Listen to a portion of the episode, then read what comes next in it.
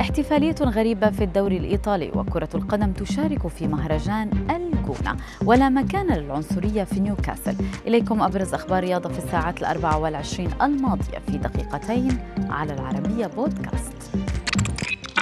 في حادثة غريبة بالدوري الإيطالي قام مدافع لاتسيو لويس فيليبي بالاحتفال بطريقة مثيرة للجدل. بالصعود على أكتاف زميله السابق خواكين كوريا والذي يلعب حاليا في الفريق المنافس إنتر ميلان مما تسبب في شجار عنيف في أرضية الملعب وطرد فيليبي وبالرغم من إطلاق الحكم صافرة نهاية المباراة. مدافع لاتسيو كشف عن سبب الاحتفالية عبر حسابه في إنستغرام بأنه وكوريا من أعز الأصدقاء لذلك مازحه بهذه الحركة. ربما لم يكن الوقت والمكان مناسبين أعتذر لأي شخص شعر بالإهانة. كان تصرفا عفويا تجاه كوريا. أحبك يا أخي. أثارت زوجة المهاجم الأرجنتيني ماورو إيكاردي واندا نارا الجدل بعد منشور لها على مواقع التواصل تحدثت فيه عن خيانة زوجها. واندا نشرت تعليقا مكتوب فيه عائلة أخرى. تدمر بسبب ساقطة.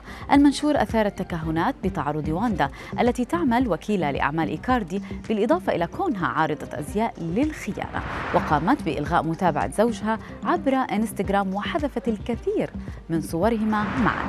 يذكر أن واندا كانت متزوجة من صديق إيكاردي ماكسي لوبيز قبل أن تنفصل عنه لتتزوج بإيكاردي. خطف لاعب كرة القدم السابق محمد زيدان الأضواء فور ظهوره على السجادة الحمراء رفقة زوجته في مهرجان الجونة السينمائي.